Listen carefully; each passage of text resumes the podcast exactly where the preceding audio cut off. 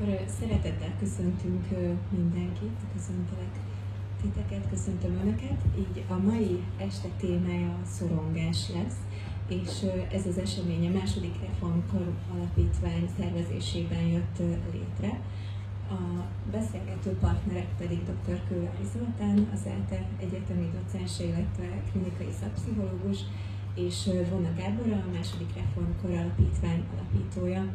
Úgy gondolom, hogy ez a téma egyrészt nem egy könnyű téma, viszont viszont nagyon meghatározó, és ebben a korban, így a 21. században, akár hogyha ezen gondolkozunk, hogy mi vesz minket körül, milyen hatások érnek, akár a Covid, akár most az orosz-ukrán háborús helyzet, akár most a, a gazdasági változások, infláció szerintem egy nagyon aktuális téma. Viszont így bevezető kérdésként azt, azt kérdezném meg tőletek, hogy ti személyesen hogyan kapcsolódtok ez, ehhez a témához, miért tartjátok fontosnak, Öm, nagyjából ezek is így amilyen. Köszönöm szépen, mindenkit üdvözlök. Hát egyrészt én is aktív szorongó vagyok, például klímaszorongó, de hát sok más egyéb dolog is rendszeresen eljutott ebbe az állapotba. Aztán természetesen a pácienseink keresztül az ő szorongásaik is hatással vannak rám, és hát ugye a oktatói tevékenységem során pedig a hallgatókat kell megismertetni olyan szempontokkal, amikkel aztán ők tudnak szakemberként segíteni más rászorulóknak, úgyhogy körbe lesz a szorongás reggeltől estig. Sok szeretettel köszöntök én is mindenkit, tehát én is csak csatlakozni tudom, tudok a szorongók népes táborához. Ma már ez egy ilyen elvárás is értelmiségi körben, nem? Hogy az ember szorongásairól beszéljen.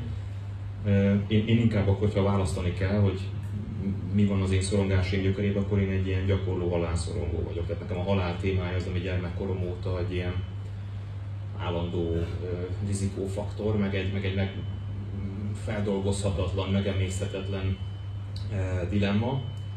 Itt valaki, a, a, mielőtt kezdtünk, megkérdezte tőlem, hogy hogy érzem magam, és azt mondtam, hogy szarul, mint mindenki más szerintem. És hogy ezt, ezt úgy értettem, nem tudom, hogy miért csilingelünk, hogy ezt úgy értettem, hogy az a világ, ami, ami még pár éve körülvett bennünket, amiben, amivel, amivel, amivel kapcsolatban egy csomó kritikánk volt, hogy, hogy túlfogyasztás, meg környezetszennyezés, de, de hogy alapvetően úgy, én legalábbis magam nevében beszélek, így őszintén jól éreztem magam ebben a világban, és most ez a világ így úgy érzem, hogy a szemem láttára kezd szétesni. És nyilván az embert ez, ez szorongással tölti el. Úgyhogy azt gondolom, hogy jelen állapotomban most azért is aktuális ez a beszélgetés, mert hogy magamon is érzem, meg a környezetemen, hogy, hogy ez, ezzel sokan küzdünk. Most jön nekem egy ilyen kérdés, de nyugodtan passzoljátok, hogy vissza tudtok emlékezni mondjuk, hogy mi volt az első emléketek, ami szorongáshoz kapcsolódik, de hogyha nem szeretnétek erről, akkor tovább mehetünk természetesen más irányba is. Én óvodás koromban a csontvázaktól rettegtem. Nyilván, hogy ez egy ilyen konkretizált és kézzel fogható változata volt a halálfélemnek, a halálszorongásnak, ami nem tudom, hogy miből ered, mert gyerekkoromban senki nem, meg, senki nem halt meg a környezetemben, nem voltak házi állataink, akiknek a halálát megtapasztalhattam volna. Szóval ez, egy, ez még egy rejtély, hogy hogyan fészkelte be magát a szorongása az én elmémben három-négy éves koromban, de hát az biztosan tudta a család, hogy ha véletlenül a tévében megláttam egy koponyát, akkor onnantól kezdve ott nem volt alvás éjszaka. Tehát, hogy ez nekem egy nagyon komoly kihívást jelentett. Ez, ez volt az első. Én nagyon rosszul aludtam, és volt egy ilyen vörös ember, akit láttam az ágyam mellett, egy nagyon kis korom, ez egy ilyen emlék, amire egy sikoltoztam, és akkor a szüleim mert föl is keltettem, és, és még most is látom magam előtt egy ilyen, olyan volt egy kicsit a yeti, mint egy vörös yeti lenne ott az ágyam mellett, hogy megfejtett Zoli, hogy ez milyen trauma. És onnantól kezdve én csak úgy tudtam aludni hosszú ideig, hogy a kis ágyam az a, a szülei melletti mellé került, tehát hogy ilyen értelemben ott az ő hogy mondjam, magánéletüket megtrollkodtam, csak úgy tudtam aludni, hogy közben kinyúltam a kis rácsán, és akkor fogtam anyukámnak a hálóingjét, vagy valami, vagy a, vagy a lepedőjét, vagy bármit, tehát valamiféle fizikai érintés is volt, hogy a vörös ember ne jöjjön vissza. Hát köszi szépen így a személyes megosztásokat. Egyébként ez a két példa már nagyon szépen mutatja az egyik legfontosabb sajátosságot, hogy a, a szorongás az félelemi akar válni.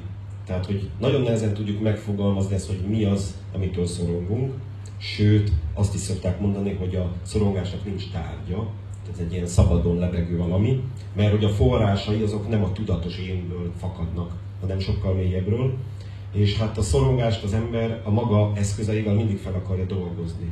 És hát itt láttuk, hogy a mi gyermekkori személyiségünk hogyan testesítette meg tulajdonképpen számunkra a szorongásunk forrását, és azt már lehet inkább félelemnek nevezni, mert hogy ott, ott megtestesült ez a dolog, és onnantól kezdve valahogyan megküzdeni is kicsit könnyebb vele.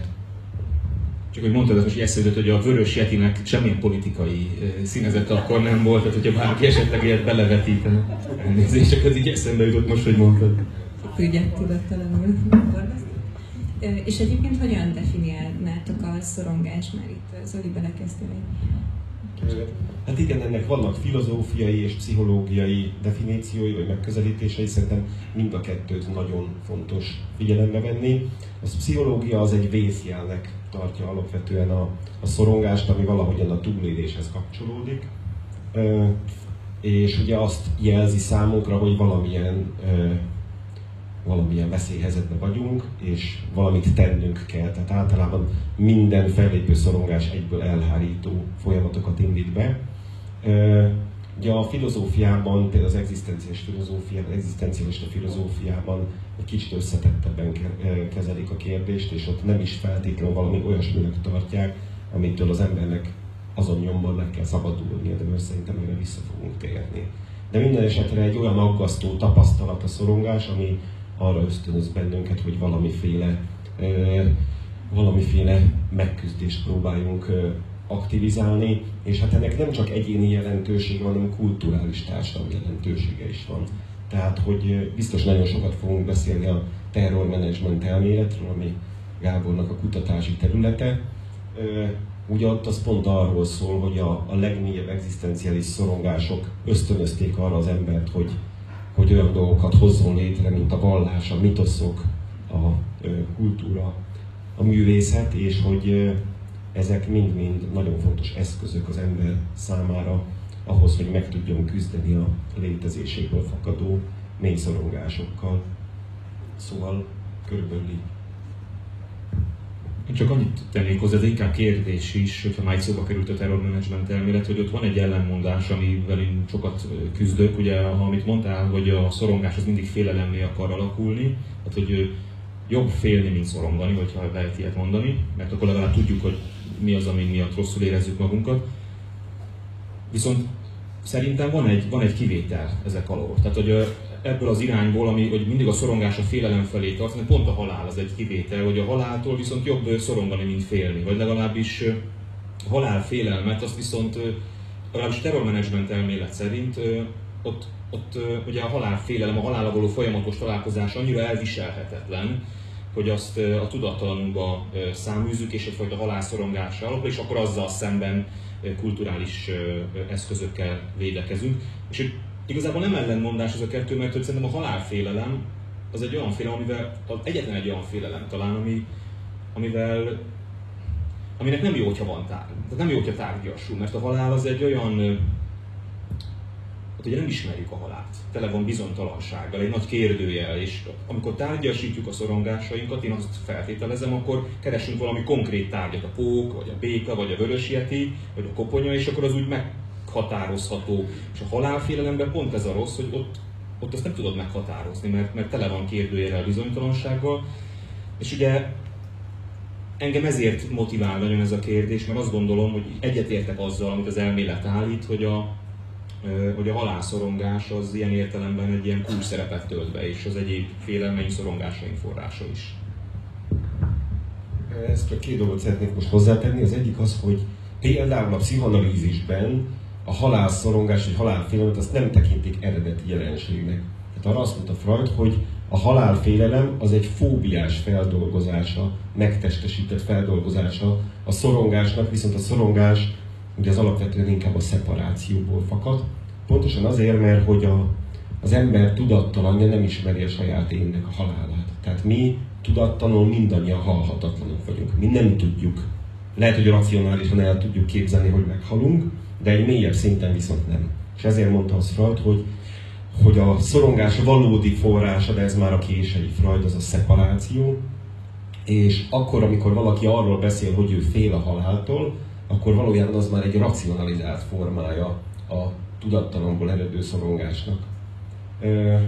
Ebben persze nagyon sok vita van, meg meg is próbálják összekapcsolni a kettőt egymással, amikor azt mondják, hogy a szeparáció, amit elszakadni a biztonságtól, ez azt jelenti a szeparáció, alapvetően az anyától, ugye ez az ős mintája ennek az egész tapasztalatnak. Tehát, hogy a szeparáció az kis halál, a halál meg nagy szeparáció, tehát hogy azért annyira nincs nagy különbség a kettő között.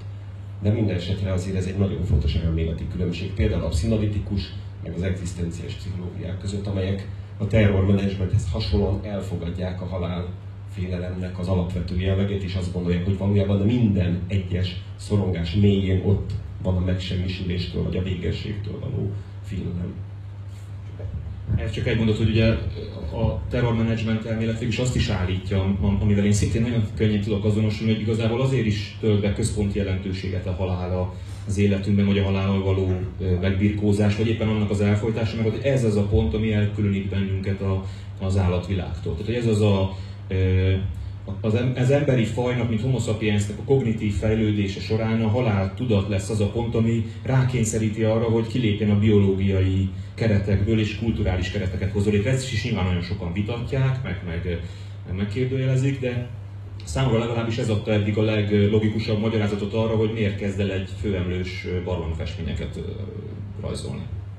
Persze lehet azt mondani, hogy az állat is fél a haláltól, csak ő nem tudja, hogy fél a haláltól. Tehát, hogy az állat is küzd az életért, és menekül a, a halál elől, de hogy nem tudja elképzelni azt, hogy valamikor meg fog halni. Legalábbis jelen tudomásunk szerint, ezt lehet, hogy el tudja, csak nem tudom, nem tudjuk megbeszélni egyelőre az állatot.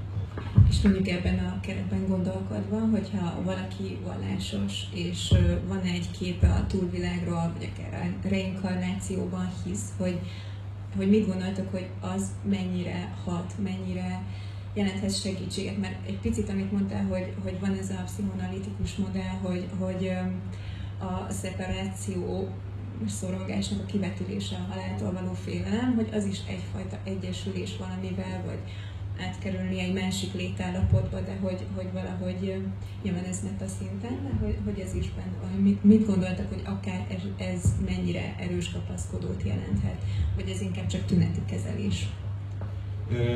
Ugye a nagyon ismert egzisztenciai szerző Janon, akinek valószínűleg sokan ismerik a könyveit, és vannak egy nagyon szép könyve a Szemben a nappal, ami pont a halálszorongás feldolgozásról szól, és hogy ő abban leírja, hogy van néhány olyan filozófiai gondolat, amit adott esetben akár vallási gondolatnak is nevezhető, amelyeket ő mindig meg szokott beszélni a pácienseivel.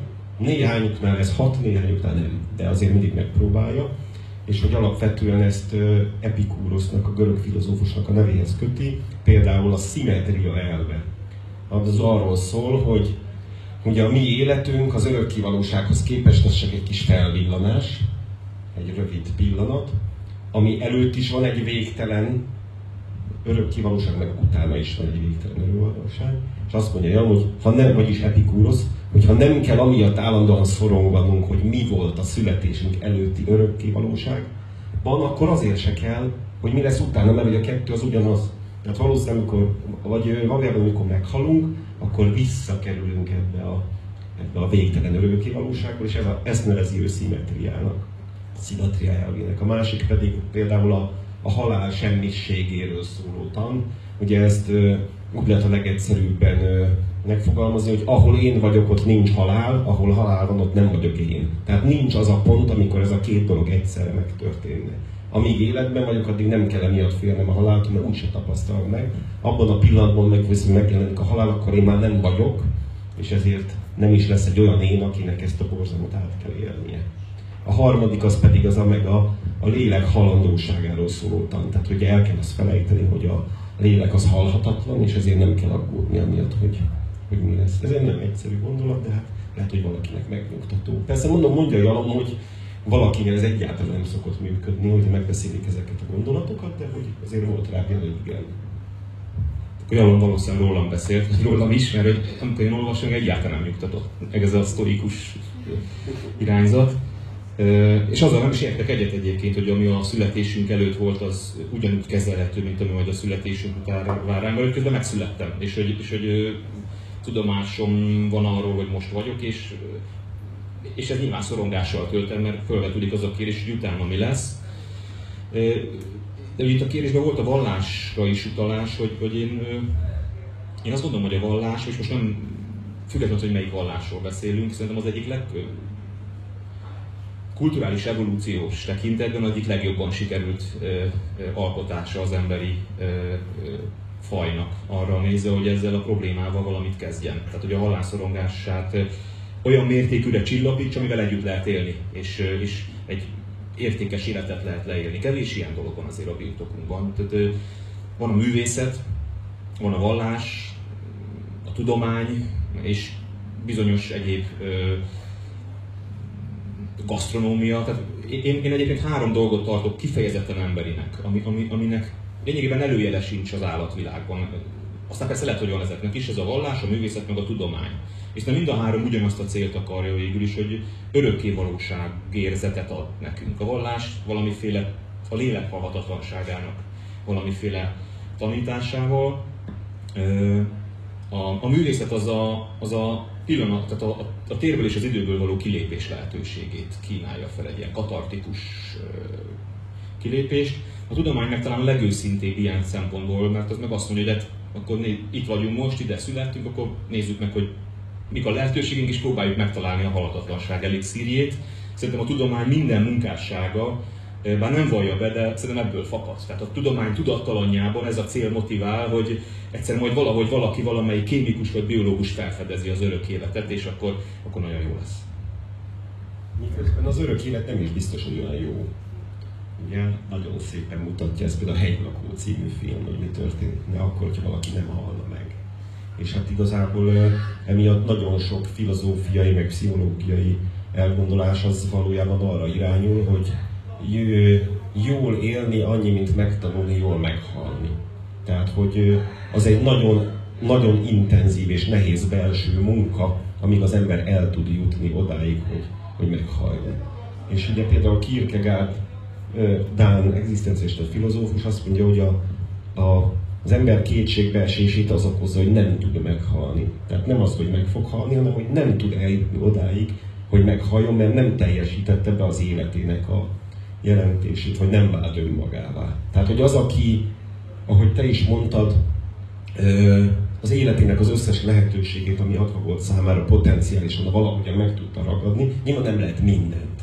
Tehát, hogy mindig maradnak olyan szegmensei, amik nem lettünk, de lehettünk volna, mert hogy mindig választani kell, és a választás azt jelenti, hogy valami dolgokat ki kell hagyni.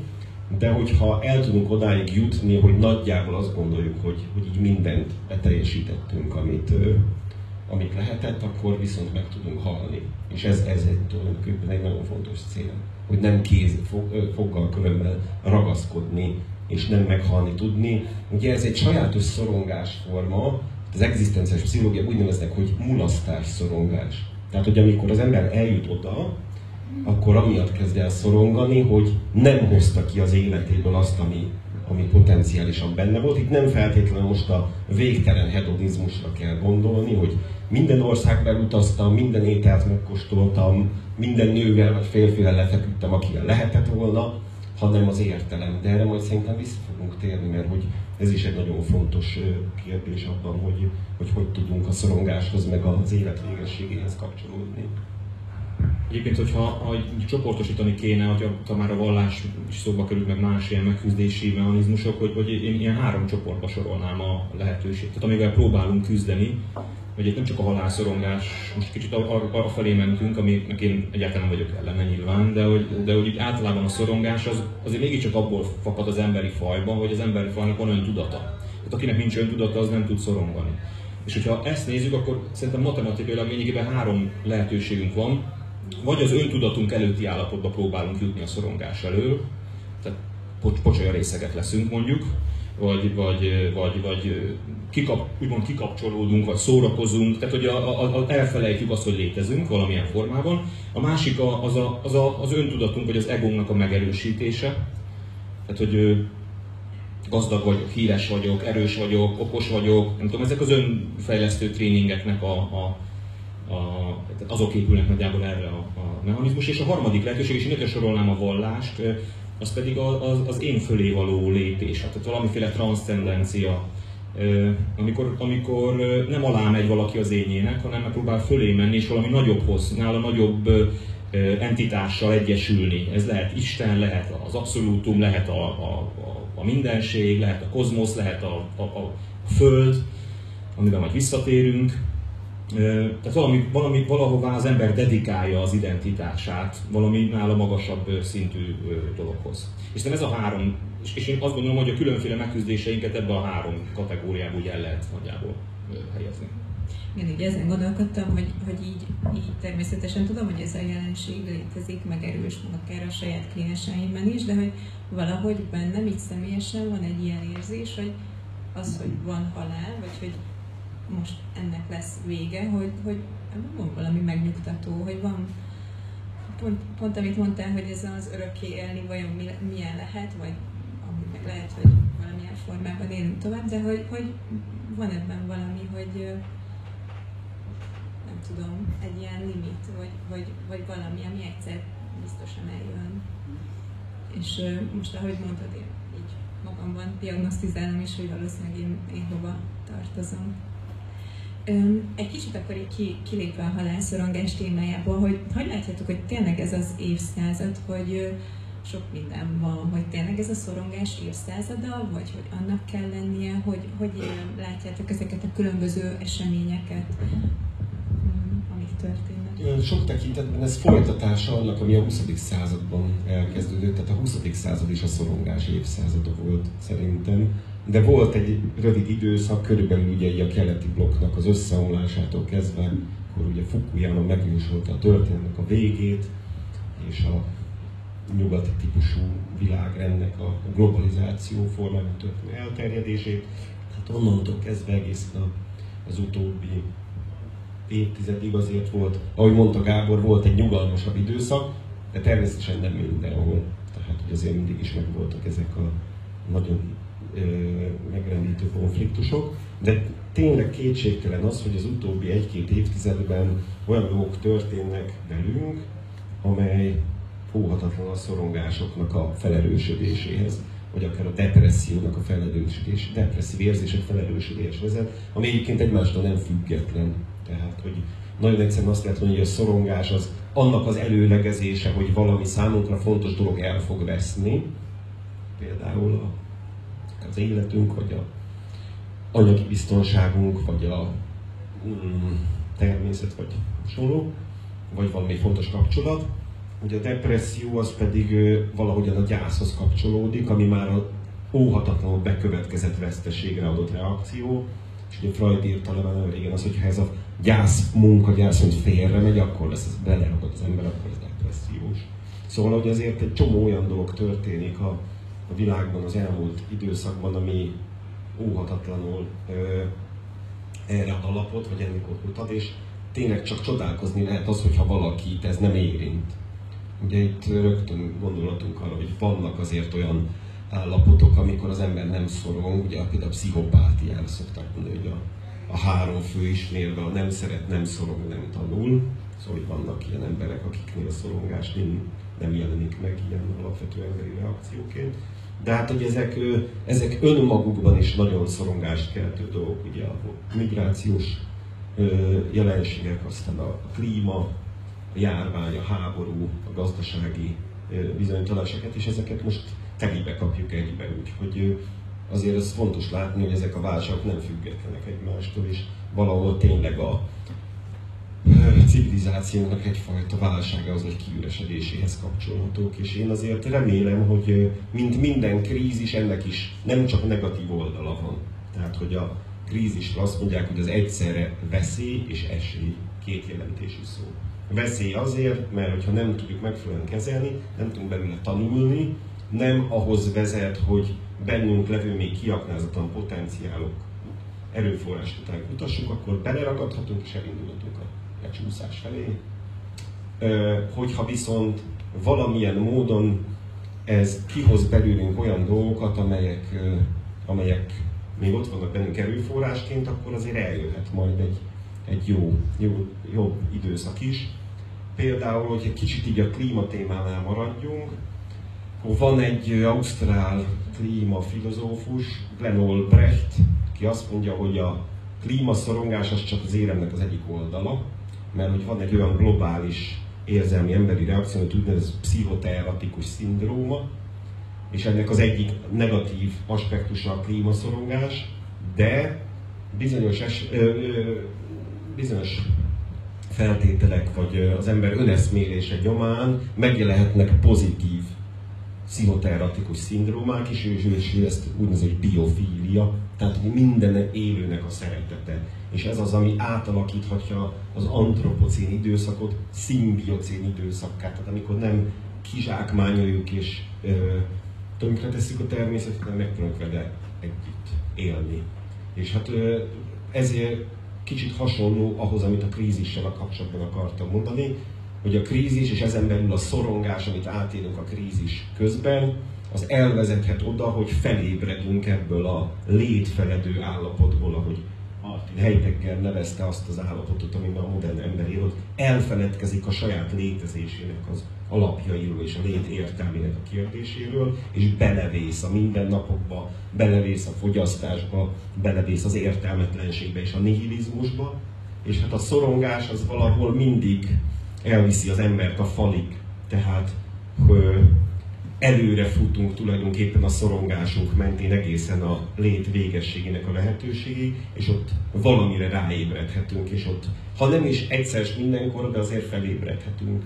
Lehetnek olyan pillanataink, amikor tisztán látok. Hát ennek a fantasztikus irodalmi megfogalmazás az az Ivan Ilyics halála szerintem. Tehát abban minden benne van, ami az egzisztenciális gondolkodás van fontos nagyon fontos dolgokat mondtál, és ahhoz szeretnék kapcsolódni, hogy nem csak negatív oldala van ennek, a, ami bennünket körülvesz, és ezzel magamat is picit próbálom nyugtatgatni, mert azért tényleg az elmúlt év, az, évek azért ilyen szempontból nem kényeztettek el bennünket. Tehát amikor azt gondoltuk, hogy az egyik válság véget ér, akkor, de még úgy benne voltunk, akkor jött a másik azonnal, és, és igazából ezt értük meg, és már nagyon, kicsit olyanok vagyunk, mint amikor a halat fárasztják, és így engednek egy picit, de aztán azonnal ö, visszatekernek, nem tudok korgászat, hogy nem így csinálják, de úgy ezt láttam filmekben, vagy nem tudom hol. E, és én is magamat egy picit így érzem, mint hogyha a sors vagy valakik e, így fárasztanának engem, és már egyre fáradtabb vagyok, és a végén meg ki, ki, kiszednek és megfőznek halászlének. Tehát, hogy kb. Ez, a, ez az érzet van most így bennem, hogy kezdem elveszteni a reményt, hogy én ebből előre, előre a horogról még le tudok jönni. És, de ugye ez a negatív része is. Én alapvetően történelem tanár vagyok, történelem, történész, történelem szakon végeztem az egyetemen, és hogy én ezt is próbáltam itt elhelyezni történetileg, és, és én azt gondolom, hogy, hogy mégis voltak olyan korszakok, amikor a, a, az a fajta kulturális közeg, ami hosszú-hosszú ideig működőképes volt, ez egyszerűen szétbomlott. Elveszítette a magyarázó erejét, hogy miért jó a világ, hogy miért, miért, miért, hogyan lehet az ember élete értékes, miért kell nekünk itt együtt elviselni egymást, és akkor szétesett, akkor, akkor, akkor az, azt hiszem mindig a szorongás korát hozta, és lehet, hogy pont a szorongásból a pozitív oldalaként született meg az az új nagy világmagyarázat, ami utána megint hosszú idő, ideig, jól vagy rosszul, de lenyugtatta az emberiséget. És például ilyen határ volt, amit talán ö, ö, Gaspers, jól, jól, jól a nevét, ő, ő, ő, ő, ő ő nevezte tengelykornak, hogy az a Krisztus előtti 6. század, ami, ami tényleg megmagyarázhatatlan, hogy Indiától az ókori Görögország akkor tűnnek fel a legnagyobb tanítók, akik a szóbeli tudást megpróbálják valahogy írásbeli tudássá fordítani. Szerintem ugyanilyen, és azt szerintem a szorong, az is a szorongás korszaka lehetett. Tehát nem véletlen, hogy, hogy valahogy ennyire akarták, hogy ott, ott, ott valahogy le legyenek írva ezek a gondolatok, és megmeneküljenek. És szerintem ugyanilyen szorongásbeli korszak volt a felvilág. Most ugye ez nagyon fontos, és erre is szeretnék csatlakozni, hogy amiről én beszélek, az a nyugati világ. Tehát, hogy mert ebbe élek. Nem tudom, hogy ezt hogy élték meg Indiában, Kínában, Afrikában vagy Ausztráliában, de a nyugati világban azt hiszem, szintén a szorongás évszázadát hozta, vagy időszakát hozta a felvilágosodás, amely ugye azt mondta, hogy a vallásos világkép nem létezik többé. És, és jött Nietzsche, Marx, Freud, Darwin, tehát folyamatosan verték be úgymond a vallásos világkép, ez nagyon rossz kép, de hogy a koporsójába a szegeket. És onnantól kezdve jött a tudományos világkép, amiben most éltünk, és most, most meg ez esett szét egy picit. Tehát, hogy a tudomány ugye azt ígérte, hogy ő, ő okosabb, az is az emberi és segítségével majd terem nekünk egy jobb világot, békésebb világot, gazdagabb világot, és sok szempontból ez akár még tudnék emellett érvelni, hogy ez így is történt, de valahogy a megélésünk tekintetében mégis azt érezzük, hogy a tudomány sem hozta el nekünk a, a kánaánt, hogy a, sőt, most már is fölmerül, maga a tudomány harap a saját farkába, hogy, hogy lehet, hogy nincs is igazam. Tehát ugye a, a kvantumfizika vagy a relativitás elmélet lényegében az alapvető állításokat semmisíti meg az anyagról, a térről, az idő, időről, és akkor itt vagyunk milyen átlag emberek, akik nem is értik, hogy pontosan ez micsoda, legalábbis én, de, de ugye elkezdek azon szorongani, most akkor a kvantum részecskék miért úgy viselkednek, ahogy. Tehát, hogy ez nem értem, de hogy de akkor most mi van? Tehát, most ezt nyilván kicsit dramatizálom, de hogy, de hogy igen, tehát abban az értelemben igen, hogy tehát az nem, én legalábbis szeretnék kész magyarázatokat a világról. Tehát, hogy én, én, én azt hajtom egész életemben, hogy, hogy Ért, mint hogyha valami titkot keresnék. Mint hogyha lenne valahol egy titok, amit én majd meg fogok találni, csak nagyon-nagyon alaposan kell keresnem, és nagyon ö, ö, sok munkát beletéve, de meg fogom találni, és amikor jönnek ezek, a, ezek az elméletek, akkor az ember úgy elveszít ilyen értelemben a, a hitét, és szerintem most nyilván ez az én privát megélésem, de azt gondolom, hogy ez azért nem véletlen az, a, az amit a mai filozófusok is, vagy a kortárs szociológia is állít, hogy a lényegében lelki beteggé vált a társadalom, és, és nem, megint az van, hogy most megint valami új világképre van szükségünk. De ugye, ahogy a Krisztus előtti 6. század megszülte Buddhát meg Platont, ahogy a felvilágosodás megszült a, azokat a személyeket, akikről beszéltem, és a, a pszichológiát, meg a szociológiát lényegében, mint olyan tudományokat, amik, amik, azt, amik, amik megpróbáltak berendezkedni. Mert ugye a Krisztus előtti 6. században megszületik a filozófia, meg megszületik a teológia. Tehát lényegében az, arra a válságra, a szorongásunkkal a világ értelmezésére alkalmas elméleteket szültünk. Aztán felvilágosodás után megint ugyanezt tettük, kialakult a pszichológia, a közgazdaságtan, a szociológia, amik majd azt mondták, hogy berend, ezek mentén fogjuk berendezni az életünket. És én azt érzem, hogy most megint egy ilyen korszakhatárnál vagyunk, tehát hogy lényegében a szorongás kollektíven mindig egy korszakhatárnak a ilyen lakmuszpapírja. Tehát azt jelzi, hogy ha, hogyha nagyon tehát, hogyha túl az egyéni szorongásokon egy ilyen nagy kollektív egészi alakul és elkezd, mond kiszabadul, a kultúra, tehát szétszakítja a kultúrát, és szét, szét, szétveri a szöveteit, akkor az egy korszakhatárt mutat valahol. És most az emberiség feladata az szerintem, hogy, hogy megint megtalálja azokat az értelmező eszközeit, amivel a jelenlegi tudásához kapcsolódóan értelmezni tudja a világot. Mert ugye a felvilágosodás, felvilágosodás idején már nem volt elég a filozófia meg a teológia tanítása. Ott már ennél valami több kellett. Most én meg azt állítom, hogy már nem elég a közgazdaságtannak, meg a pszichológiának, meg a szociológiának a tudása, hanem ennél is több kell, mert, mert, mert már nem tudunk ezeknek sem hinni, vagy csak ezeknek hinni. mire gondolsz, hogy mi lehetne ez? Hát ha tudnám, akkor, akkor mondanám, de nem, nem tudom. Tehát, hogy, és és ez, ez, ez, az igazán szorongató, hogy most, most én úgy érzem, hogy pont egy olyan korszakban élünk, amikor ezeket a válaszokat nem tudom ilyen, ilyen, ilyen könnyen megadni, mert ha Darwinnak lettem volna a, a kortárs, akkor, akkor azt mondtam, hogy megvan a megoldás, az evolúció, és akkor biztos, hogy tökre hittem volna. De most nem tudok ilyet mondani. És, és, és nyilván ez, ez egy ilyen, ez egy nehéz időszak, de és akkor megint próbálok így azért, próbálom magamat is nyugtatni, hogy de ennek is van persze szépsége, mert hogy ad ad egy nagyfajta szabadságfokot szerintem a mai embernek arra, hogy, hogy megszabaduljon egyébként különféle ilyen gondolati buborékoktól. Hát tulajdonképpen egy nagy ösztönző ereje van ennek. Tehát, hogyha mindig boldogok lennénk, meg kielégültek, akkor valószínűleg nem gondolkoznánk azon, hogy hogyan lehetne még értelmet adni az életnek, vagy hogy hogyan tudnánk kapcsolódni magasabb dolgokhoz, meg értékeket teremteni. Tehát akkor olyanok lennénk, mint a biztos ismeritek a, a Misi Mókus című filmet, ugye az örökké termőfa, hogy amikor a Misi Mókus megkeresi az örökké termőfát, akkor ott van néhány kövér mókus, akik egész nap esznek, és nem csinálnak semmit. És akkor rájött Misi Mókus, hogy nem érdemes ott élni az örökké termőfát, valami másra van szükség. És kicsit ez a fogyasztói hedonizmus is olyan, mint az az örökké termőfa. Mindig tele vannak a boltok, mindig érdekes, szenzációs műsor megy a tévében, tehát hogy állandóan el vagyunk látva ezekkel a... Az majd, ugye? Igen, hát most De hogy eddig ez volt. És hogy ez volt nekünk felkínálva, mint az élet értelmét beteljesítő valami, ez a végtelen hedonisztikus fogyasztás. Hát azért ennek meg lett a következménye. Szerintem. És mennyire érzitek ezt, hogy ez, ez tényleg mm, így a, a, a mi így gondolkodunk, vagy akár minket kimozdít ebből tényleg egy értelemkeresés megindul ezeknek a hatására, hogy ez, ez így a társadalom egészére mennyire igaz, vagy ez inkább ez a középosztálybeli gondolkodás ö, sajátja, ho, hogyan gondolkodtok erről, vagy hogyan látjátok ezt, hogyha egy picit távolabb lépünk? Biztos vagyok benne, hogy ez mindenkinek a maga intellektusa és maga a felfogása szintjén megjelenik, és hogy mindenki szenvedettől. Nem véletlen van olyan sok szenvedélybeteg, alkoholista, nem, nem véletlen van olyan sok betegség, aminek szerintem a jelentős része pszichoszomatikus betegség, tehát hogy mindenki szenved ezektől a dolgoktól, és erre vannak különböző magyarázatok, például ugye az ökopszichológiában azt mondják, hogy a természettől való elszakadásunk az egy olyan mélyreható trauma, aminek nem is tudjuk tudatosan felfogni a következményeit.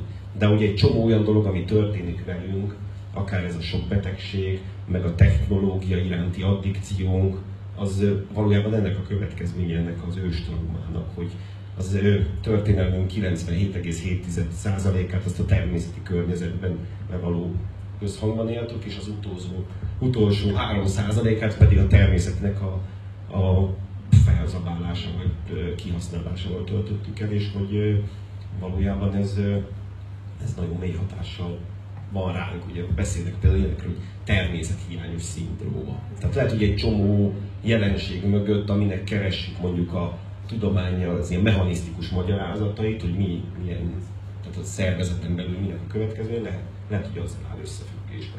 Szóval ezeket nagyon érdemes lenne újra gondolni, szerintem. És ugye a, az, ö, nem akarok állandóan az ökopszichológiáról beszélni, de szerintem egy fontos dolog, ö, és ott az újra kapcsolódás egy ilyen nagyon fontos, ö, nagyon fontos ö, ö, jelszó, és ez kapcsolódik ahhoz is, amit te mondtál, Gábor, a transz, az öntranszcendencia. Tehát, hogy elismerni az, hogy nem csak az én személyes ö, vágyaim és a kielégülésem fontos, hanem hogy tudjam a helyemet. Biztos, hogy van egyébként egy ilyen privilegizáltság abban, hogy valaki egzisztenciális szorongásokkal küzd. Tehát, hogy, hogyha valakinek napi betevőjével vannak problémák, akkor valószínűleg akkor életbe lép a Maslow piramisnak a, a, a működése, gondolom.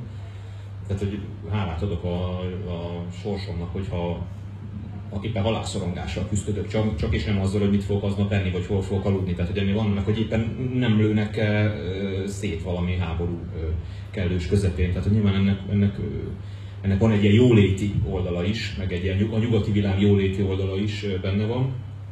De, de én egyébként, ha már Maslow piramis szóba került, én nem feltétlenül hiszem, hogy ez egyébként teljesen valid. Tehát, hogy ö, én azt hiszem, hogy mindenkinek szüksége van a végső válaszokra.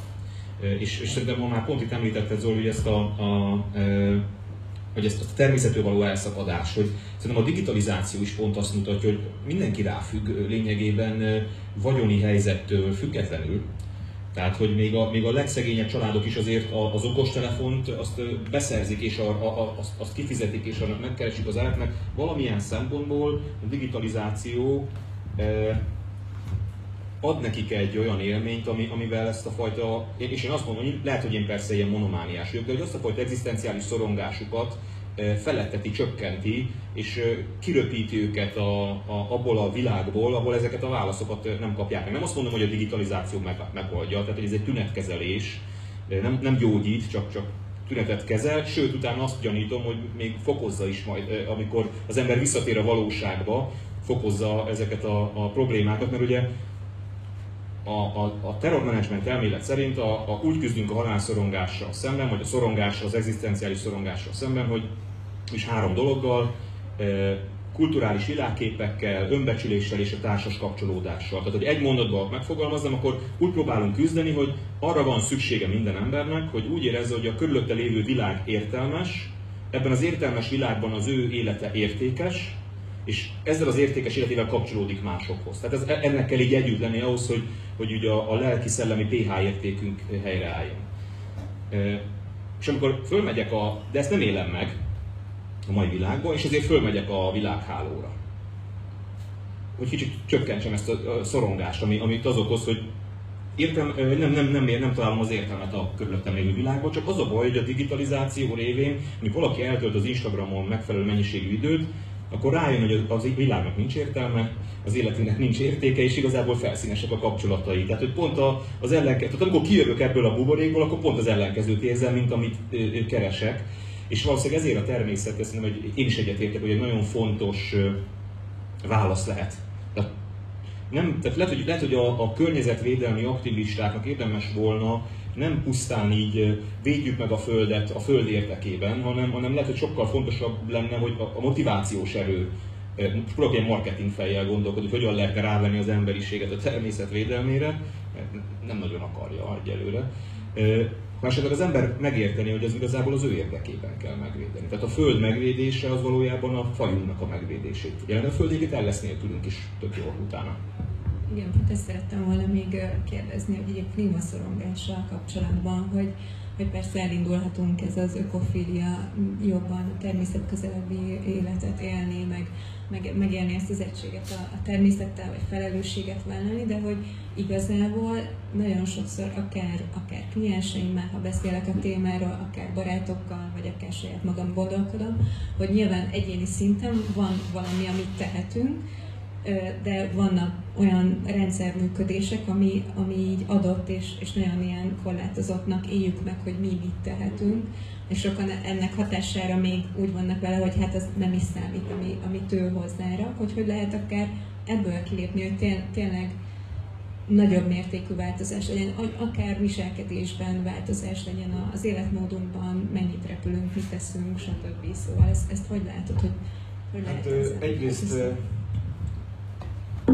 Egyrészt ugye arról van szó, amikor mondja az előbb Gábor, hogy miért nincs bennünk ez a spontán reakció, hogy védjük a természetet és aggódjunk érte, hogy a Theodor Rosszák, aki az ökopszichológia megteremtője, ő azt mondja, hogy, hogy azok, azokkal a dolgokkal szemben lépünk föl spontán, gondoskodó és védelmező reakcióval, amit a saját énünk vagy identitásunk részének tartunk. Tehát, hogy az nem kérdés, hogy önmagunkat megvédjük, szeretteinket, barátainkat megvédjük, tehát senkinek nem kell könnyen, légy szíves, védd már meg a családot, mert ezt mindenki megteszi, vagy akár a lakóhelyünk, vagy az országunk, mert az az identitásunk része.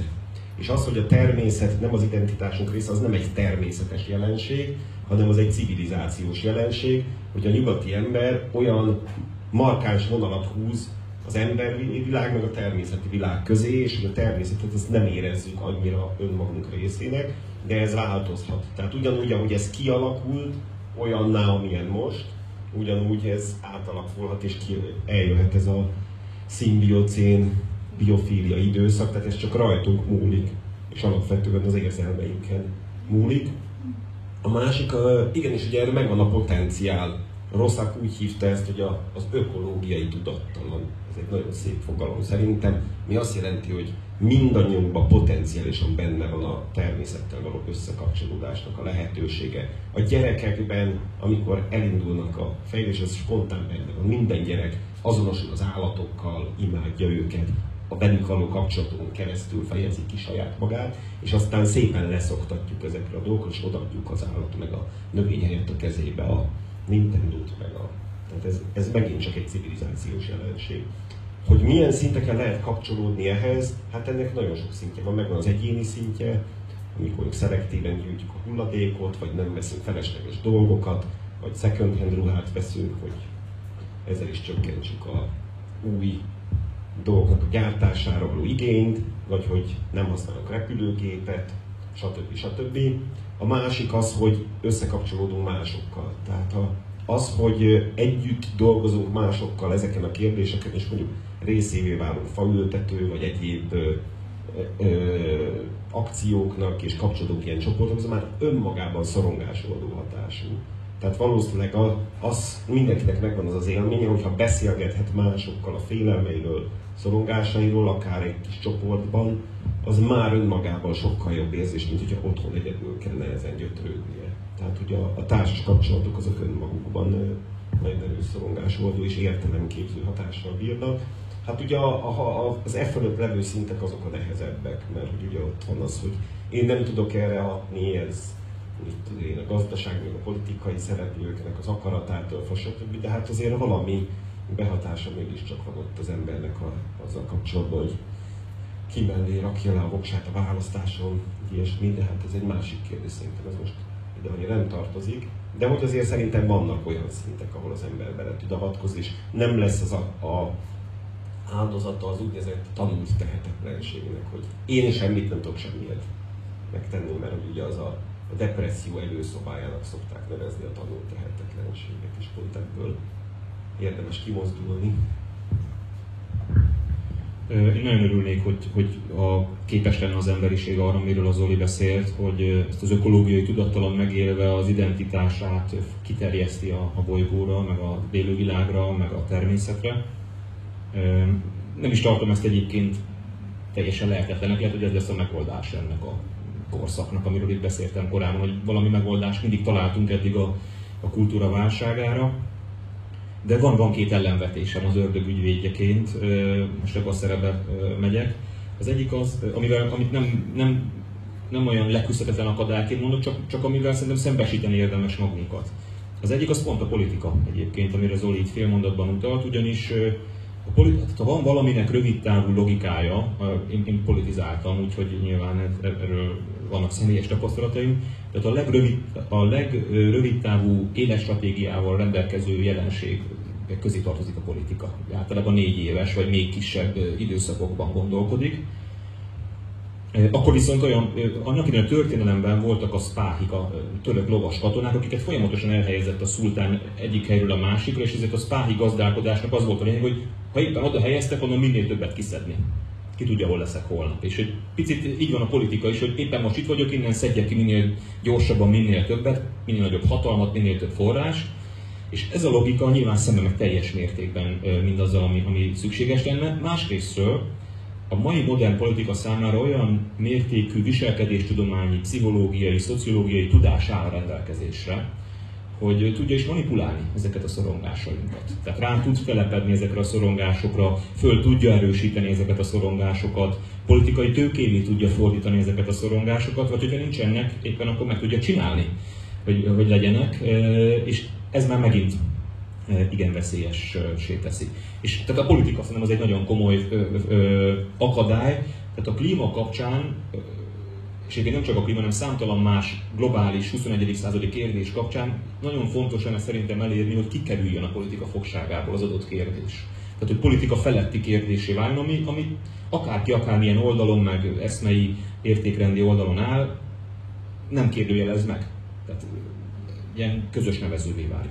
És a másik, amit mondani akartam, az meg inkább az embernek a, az állati eredetével kapcsolatos, mert jó, bennünk van az ökológiai tudattalan, vagy én örülök neki, de hogy az állatvilágban is azt látjuk, nem, hogyha mondjuk egy állat bekerül egy, egy, egy olyan ökológiai fülkébe, ahol örökké termő fa van neki, akkor az elhíznak, elhíznak azok a mókusok. Tehát, hogy az állatvilág is olyan, hogy, hogy ha rendelkezésére áll korlátlan erőforrás, akkor én feléli azt, és tönkreteszi akár a környezetét is, az állat is, hogyha, hogyha lehetősége van rá. Nyilván az állat az azért két dolog miatt egyrészt nincs tudata, tehát nem is tudja ezt tudatosan kontrollálni, másrészt mert aztán jön a természet és akkor pofon vágja, tehát kiszelektálja, mert, mert, mert egy ilyen jellegű túlszaladás az megbontja valahol a szisztémának az egyensúlyát, és akkor a, jön a föld, aki erősebb fiú, és akkor szépen visszapofozza az állatot oda. A kérdés most az, hogy mi azon a szinten vagyunk, hogy mi most már kezdünk kikekeckedni a Földdel. Tehát mi már nem, nem hisszük el, hogy, hogy a Föld van olyan erős, hogy bennünket pofon vágjon, és aztán vissza röpítse ezt a 7 milliárd, vagy nem tudom, 8 milliárd embert egy jóval alacsonyabb létszámra. Pedig én azt hiszem, hogy van, Csak, csak megint arra akarok utalni, hogy a bennünk lévő állat, az, az lehet, hogy ez is egy jó kis, a bennünk lévő ember, a civilizáció az, ami ezt a klímaválságot okozza, vagy a bennünk lévő állat. Én hajlok afelé, hogy ennek a kettőnek ez a fura egysége, és mind a kettővel kezdenünk kell valamit. Tehát, hogy én azt, azt attól óvnám magunkat, hogy azt gondoljuk, hogy majd úgy az ember úgy, úgy olyan, olyan, olyan kép, az, hogy az ember képes a lemondásra, hogy erőforrások birtokában van, vagy, vagy hozzá tud jutni. Szerintem nem.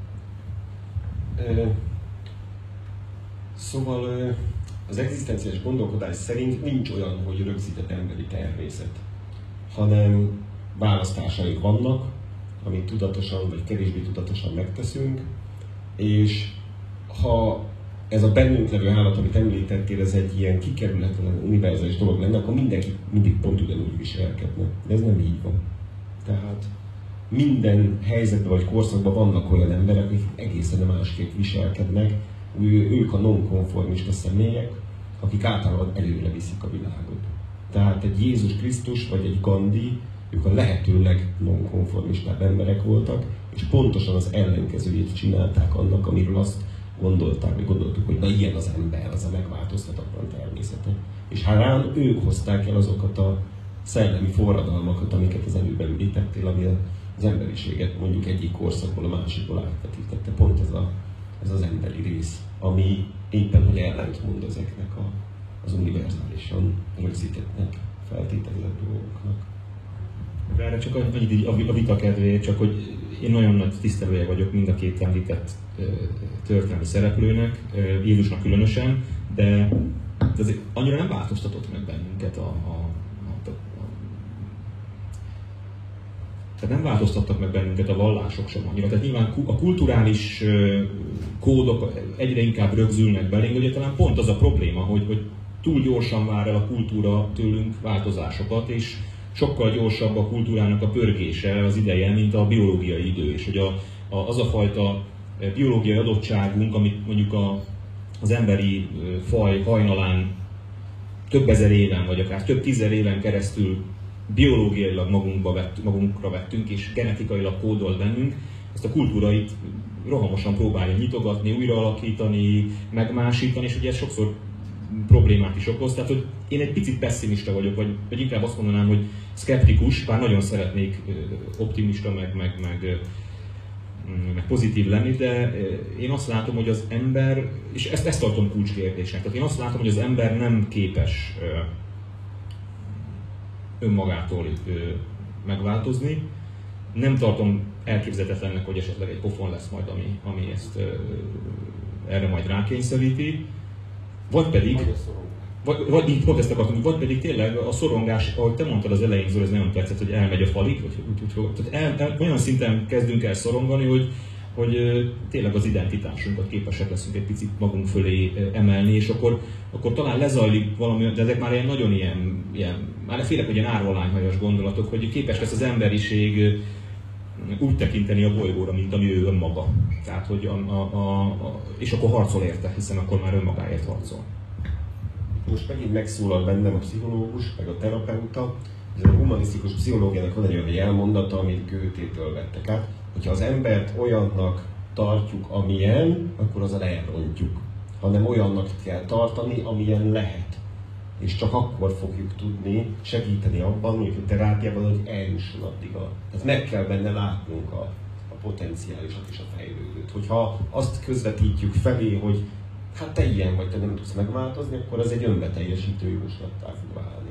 Persze nem lehet az egész világot kompletten pszichoterápia alá vonni, de hogy azért valahol ezek a nagy szellemi vagy vallási vezetők is ilyen nagyon csúnyán szól, a és szakemberek voltak, mert ugye a, a, a szabadság és a gondolkodás felszabadításával juttatták el az embereket egy másik lét felfogás irányába, úgyhogy most ez nem azt jelenti, hogy akkor javíthatatlan romantikusként várjuk a megváltót, hanem hogy a magunk módján próbálunk hozzájárulni ehhez a, a folyamathoz, és nagyon jó azt látni mondjuk akár tanárként, vagy akár pszichológusként, hogy amikor megváltozik valakinek az élete, miközben amikor eljött, akkor még egy teljesen reménytelen állapotban levő ember volt, és nem látta, hogy merre tartozik. Ez egy hosszú folyamat.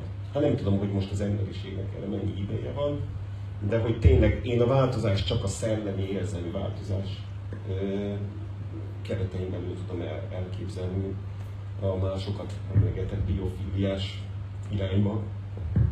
Csak az, annyit akarok reagálni, hogy nehogy itt úgy maradjon meg, bár én itt a rossz fiú ebbe a beszélgetésbe, aki itt ö, ö, valami önvet, rossz önbeteljesítő jóslatot hirdet, mert, mert egyébként maga az én akár politikai pályafutásom is a, a változásról szól, legalábbis én aként éltem meg, és én abszolút hiszek ebben, csak, csak én azt tenném hozzá, nyilván sokkal kisebb, meg, meg, meg, meg sokkal alacsonyabb szintű tapasztalati bázisról, mint te, hogy, hogy szerintem azért nagyon fontos, hogy, hogy a, a, a, a diagnózis reális legyen. Tehát, hogy az az emberképünk, am, amiből kiindulunk, és amit, amit esetleg célként kitűzünk, és abban egyetértek maximum, hogy ki kell tűzni valami célt, és afelé kell motiválni a, a társadalmat, de hogy a, ha jól tudom, a flow-nak az a feltétele, hogy akkor tud valaki flow állapotba kerülni, és ami szerintem abszolút jó, tehát nagyon jó lenne, hogy az egész világ egy nagy környezetmentő flow állapotba kerülne, de hogy az a feltétele, jól tudom, hogy a kitűzött cél az magasabb legyen, mint az adott állapot, de ne túl sokkal. Tehát, hogy még olyan, annyira legyen csak, annyival legyen csak az adott állapotunk fölött, amit, amit, amit, amiről még elhisszük, hogy az, az megoldható, mert ha túlságosan magasan van ez a cél, akkor az, az azért probléma, ha túlságosan alacsonyan, akkor meg, az nyilván nem motivál cselekvésre. Hát szerintem ezért használják a fenntarthatóságnak a fogalmát, hogy ez nem egy ilyen irreális cél, hanem valamiféle ilyen olyan dolog, amit el kell érni, de hogy, hogy nem, nem így reális, vagy nem beteljesíthetetlen. Van esetleg még valami, ami, amivel így kiegészítenétek ezt a témát, hogy eltérhetünk a kérdésekre? Hát akkor most ez lenne a kérdés, hogy kinek van kérdése.